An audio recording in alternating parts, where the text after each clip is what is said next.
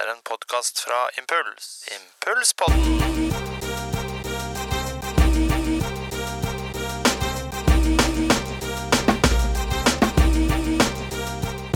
Hei alle sammen, det er på tide med en ny episode av Impulspodden. Denne gang så har vi en litt kjedelig nyhet, og så har vi en veldig, veldig bra nyhet. Og den kjedelige nyheten er at Chris Anne er dessverre syk denne uken.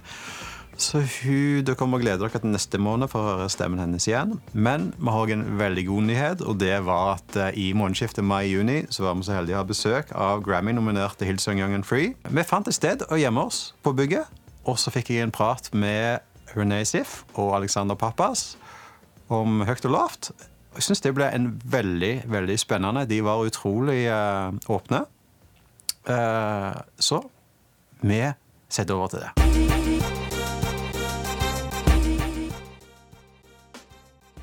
All right, guys, so welcome.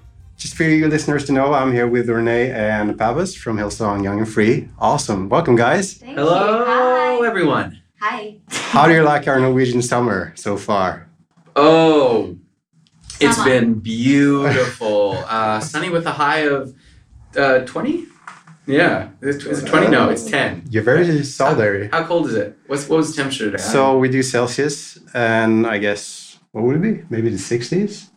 You do, I do Celsius. Celsius, Celsius. yeah, 10 degrees Celsius. Okay, it was Yeah. 10. Yeah.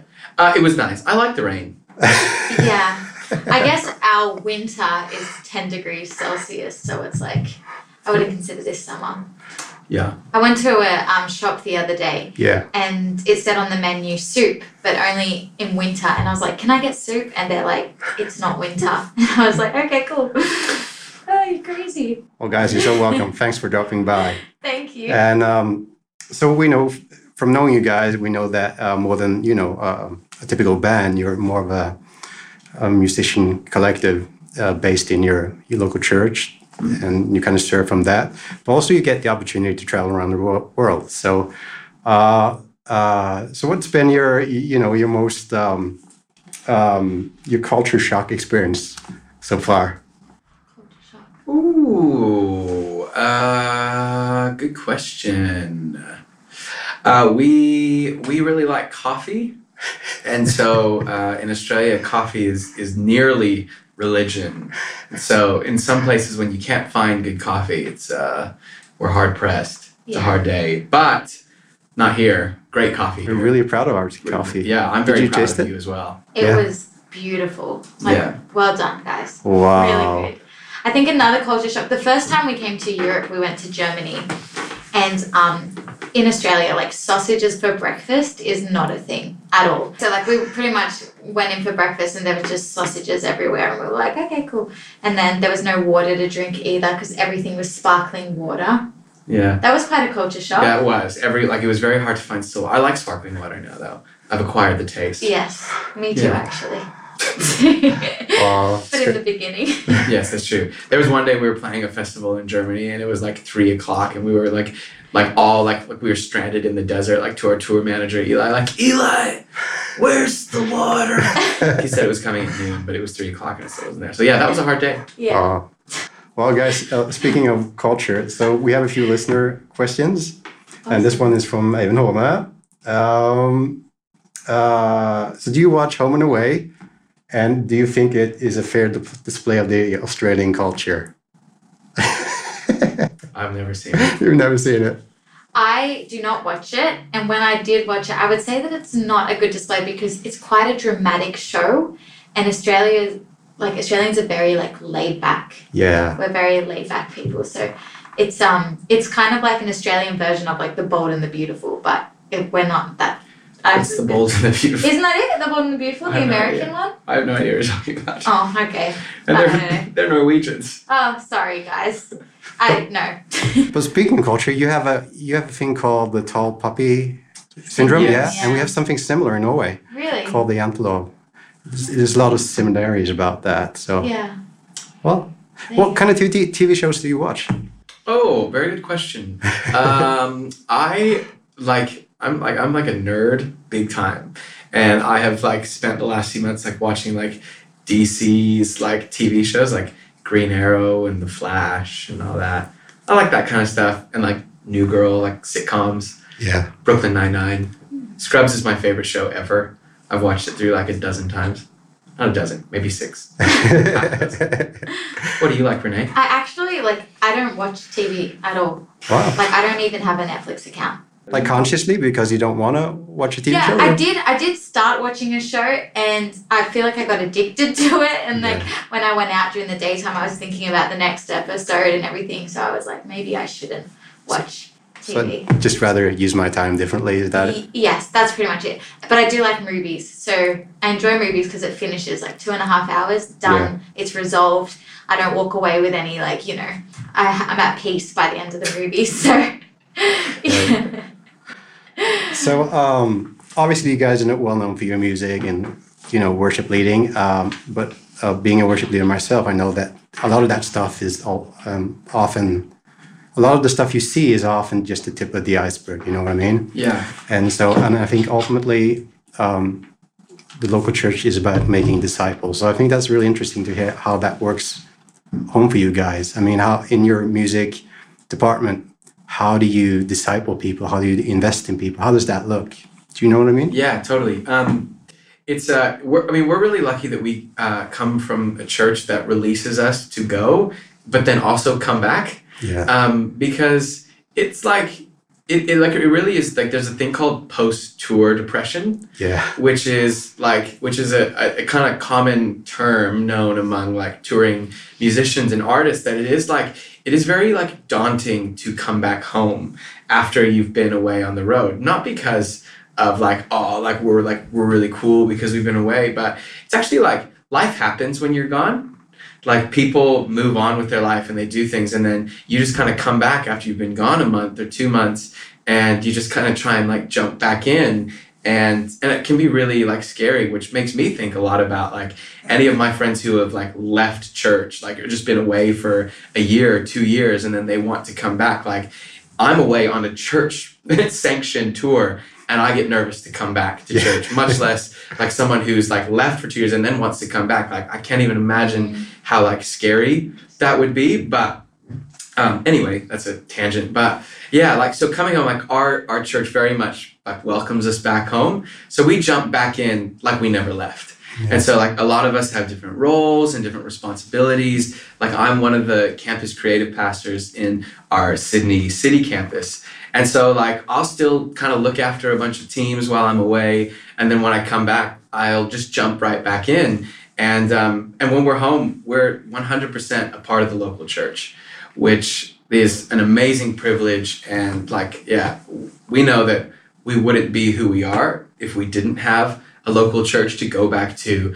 And like we actually are refilled and refreshed when we're at home in church. So yeah i mean and it can look it'll, it would look like building any local church you know like catching up with people. It would mean like one-on-one discipleship connect groups all the everything. Yeah, awesome. So I was look, I was listening to a podcast last week uh, with uh, someone I think probably has been a role model to you guys, Joel Houston. oh yeah. Um, he was doing a podcast called um, Unedited with with uh, Cameron Strang, I think it was called. You should listen to it. Um, so, and he was talking about it, and he was very candid about his process this last, I guess, six months or a, or a year, whatever, and um, and was really honest about his process. About you know, obviously he, as myself, he's you know pushing forty, so I won't bother you with that stuff. But but looking back and asking yourself like really tough questions, like where am I leading people? What do I actually think is awesome? But but what is in fact valuable to me? A lot of tough questions, and I. And obviously, you know, traveling around leading worship, being in the role, the position you have, I think a lot of that stuff is obviously fantastic, amazing. Just, you know, being creative and doing what we love. Uh, but but being, being in a position of influence uh, also has a weight to it. You know what I mean? Um, which is uh, at least I found is really tough sometimes. It's amazing because you're in a position of influence and you can, you know, impact people yeah um, with a positive message, but also there's a really weight to that stuff. Uh, and how do you tackle or handle that as an as a as an environment. Do you, do you know what I'm getting at? Yeah. Because I think it's it's not easy, really. Uh, there is a weight to that because you know, a wrong word at the wrong time Yeah, can be absolutely. costly. Yeah. How do you and uh, and I think, what are your thoughts on that? How do you handle that? I think it's like it's for me anyways my journey I've um the way I've processed it a bit more is recently I've been thinking about how um we- in everything that we need to do it actually just needs to be pleasing to God because there's so many people around you so many people involved in your world. But um at the end of the day I need to be like am I giving God my best in every situation that I do? And then and it takes that weight off you because Jesus, the most um, gentle natured God, is not coming to point at you or Yeah, yeah. correct you. He's coming to love you. So when I think about the weight, I think eh, like even because it's such a huge pressure, like even to get up and lead people in worship, I think about the people that come in and like maybe there's that son that the mother has been praying for for 15 years to finally come back into church. And that's a huge weight on my behalf to be Mhm. like, am I doing my best to make that person Mhm. feel connected in, you know, in worship? But it's actually not my responsibility. My responsibility is to love God and to please God and go, God, this is the absolute best that I have to offer you. And my worship is going to be genuine and authentic. And hopefully, God, you'll accept it with loving and open arms. And that will be an attraction to the person that is in the room because I don't know. Like the thing that I love about Joel is like because we get like we we we get to worship with him and we get to tour with United and everything.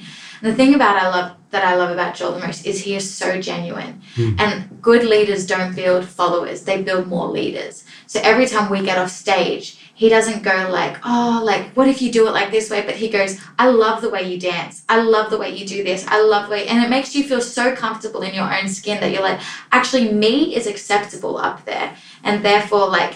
I don't know, like he's just amazing like that. So I think the weight is taken off you when you're here to please God and um and worship spiritually as worship intentionally in spirit and in truth. And um yeah, that's what has really helped me lately.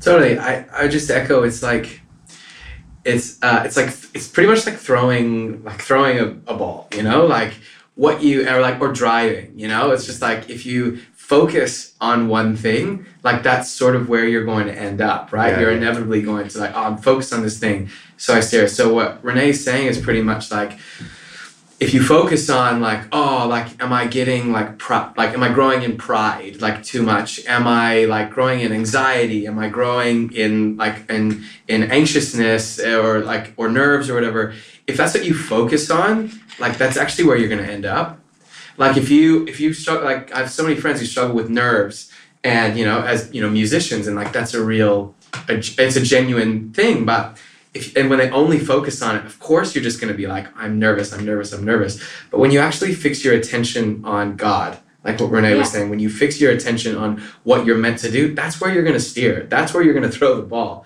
So if you can, if we can just get our focus right, I think those things come pretty easily.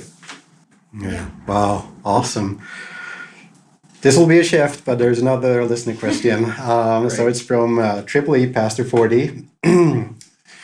he says that he's a pastor pushing 40 and he wants to stay culturally relevant and hip, yet not overstepping and losing my favor amongst the elders. Any clothing tips? Clothing tips.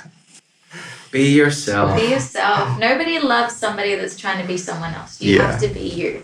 Yeah. You see people that are wearing all types of brands, but the brands don't suit them because they're just trying to fit the brand and not what suits them. I say if you feel confident, if it makes you feel confident, Yeah. don't care what anybody else says. Lots of people don't like my cross hearing, but I feel confident in my cross hearing. So when I'm wearing it, I feel great. So I'm gonna keep wearing it as long as I feel great. Awesome. True. Who, who do you reckon is your best dressed, like 40 year old in your music environment? Oh, 40 year old? that's 40 year old. Like, or maybe, you know, Hillsong United E. Who's the well, most well dressed among them? They all dress so well because they all suit what they're wearing. It's honestly like, even Jad, like he wears a black t shirt and black jeans every night. But if he wore anything else, I would be like, what are you doing? Like, wear your black t-shirt. That's who you are. That's what you do. Is that right or wrong? Yeah, I mean, but if you felt great in it, I would say all power to you. Yeah, a hundred percent, a hundred. Go for it, Jad. But like they've all just they're all themselves, and that's why what they wear, wear is cool. That's what it comes down to, Yeah. isn't it? Yeah, it is, yeah. it is. I don't know. Every I shouldn't I shouldn't speak. Every night before we go, I'm like, what should I wear? I don't know what to wear. I have no clothes. so I shouldn't speak. Guys, we should talk a little bit about because there's a lot of questions about you know the, how the production phase of the stuff that you're doing and and getting to talk to and sometimes meeting people from I guess the Bethel environment, uh, Jesus Culture, Soul Survivor, and even domestically here. There's always tweaks to how they um, approach the production phase. So um, how does that look for you? And maybe even to make it more concretely about because the last single is every little thing, right? And how how is the production side of that? If you get my question, how, Yeah. how, how does that look? Um, so most of the way our songs would come about would be, uh, generally speaking, it would start with like one or two, uh, like kind of like writer focused people, and then a third uh, producer slash writer in the room. So um, just because, like, obviously with our genre of music, uh, it's not so much just an acoustic guitar Yeah. and and that. So it's obviously it's one thing to and we have written songs uh, like that in the room like oh and imagine it's like doing this like at that bit yeah cool like and, and that happens and that can work but there's something really exciting and thrilling in the writing and the creative process when someone's in the room not just going oh imagine this but they're making it happen like Yeah. they're making the magic happen in the room which is awesome so that would be generally how our our songwriting process goes which obviously uh, like shows the value of having a great producer in the room Yeah. and and when you don't it's it's not it's not quite as fun but um yeah so like that would be the process so a song like every little thing um, i didn't write it but i do know that the process was pretty similar to that. There was i think three i think it's fatty aids ben and bede. Yeah, yeah. yeah so like like two producers actually and two kind of writers in the room and um, yeah they would have sort of made the track that day. They got uh, one of our one of the one of the crew to to sing it later on and um, and pretty much through the creative processes you know once it sort of got to a stage like okay we really like this song it's to make it on the album would be when like we really like fine tune it. But like most of the time i would say a lot of the essence of what happens that first day is really what like sticks with the song. Because we've had a lot of songs i think through the years where we go oh like let's try to workshop it like something else. And i can't think of many that like ended up so like so you know that so ended up somewhere else. Like uh, you know for example real love which is uh, a song i did write um, and like it was very to the way you hear it now was similar to how it began. And there was a stage where someone sort of thought maybe uh, i don't know if that vibe is timeless. Timeless. Who knows what timeless is? Um, but so we workshopped it and it was just like so weird. And it sort of ended up just coming back to the way it was and um, yeah because i think there's something like i think there's something to be said about the moment that you create something the energy and like like often you know they say your first idea is your best idea because you know if that's the idea that uh, i'm not saying you shouldn't rewrite songs because you absolutely should but like oftentimes that idea and that essence that really got you excited in the first place often will probably be the thing that you want to keep Yeah. so Yeah, and what other people will hear as well. Yeah, totally. excited. Yeah, for sure. Wow. So, uh, uh, new listener question. Renee, what was your first job? My first job. Oh my goodness. When I was 13, um, I worked 13 I worked for a week at Burger King. We call it Hungry Jack's in Australia, but Burger King. And um, I, yeah, I just really wanted a job. you know, I that just- even allowed. how did at they hire you No, I got hired and I got fired in a week because they realized I was too young. Oh. And so to be like, fair you still look like 13 Okay, so- thank you. No, but they're like, oh hey, like you're actually such a good worker, but we didn't realize like what we're doing right now is illegal. So we're going to. Can you come back when you're 14? That's what they said to us, and I said to me, and I was like, yeah, I'll come back, but I didn't because I started working somewhere else at 14. Holy moly. Yeah. Cool. How about you, Pappas? I washed dishes when I was 15 because I don't think you can start working in America before 15. I washed dishes at a place called Noodle Express and I worked there for four years. Right. Not washing dishes. On my 18th birthday, they gave me the keys to the restaurant. I was a shift manager. Oh, shiver. For those listening, I just like kind of flicked my shirt in a very cool motion. Yeah. And and and do you do like the band members? Do they most of them work on staff in some sort, or or up, do they have other daytime jobs? Yeah, everyone is on staff at church. Some of us are full time, some of us are part time. Um, it's it was up to us. It's just when it came to traveling, um, it was hard to like keep a job and travel the amount that we do as well for Young yeah. and Free. So, um, like for instance, Jack is so blessed because he's he studied to be an accountant and he works for an accounting. Jack is our key. He's our keys player. He works for an accounting agency in Sydney, but his boss is a Christian, so he lets him work when he gets back part time, but he also works for church. So it's just that kind of kind of thing. Yeah. All right. Mm. All right. So you guys, we have a we have a spot in our podcast that we um, which, is- which is based on our youth movement's name, uh, Impulse, and Impulse is. Um, is based on the school book definition, which says that impulse is a force of power that over time, over time that causes a continuous change of direction. Now you know. Basically, what we're asking is, um, what has been your major, in, if there's one influence that has um, impacted you most during your youth um, years, um, what has it been? And you can mention your family. Yeah. Who or what has influenced you most during your youth years? Like a person can be a person or a thing or an event an or event. Um I can go. Yeah, you go. Um, I had so I didn't grow up uh, in Australia or at Hillsong. I moved to Australia when I was 19, and um, when I was 15, uh, my parents had uh, separated, and um, like kind of classic age for like teen angst, and I was like really into hardcore music and like just that sort of vibe, and um, yeah, I mean like it's kind of stuff that teenagers do. Like I started uh, drinking and and kind of going down a trail like that. And then um, not long later, I went to a youth conference, and um, at that youth conference, they were playing Hillsong United songs, and uh, I had never heard uh, Hillsong United. I had never heard church music that intrigued me, but I was really into guitar and all that stuff, and um, and I was like, whoa, like that's really cool. And um, for the first time in my life, because I didn't grow up in a church that re- actually gave you an opportunity to respond to Jesus, really. Um, like I made a decision when I was four, and it was really holy. Like, you know, I felt like the light was breaking through my bedroom window, and I was on my knees and praying, and it was very sacred, but, you know, you're four years old. And um, so I was given the opportunity to respond, and I was so, so moved by what I now know was the Holy Spirit. Um, and honestly, my life was kind of forever changed.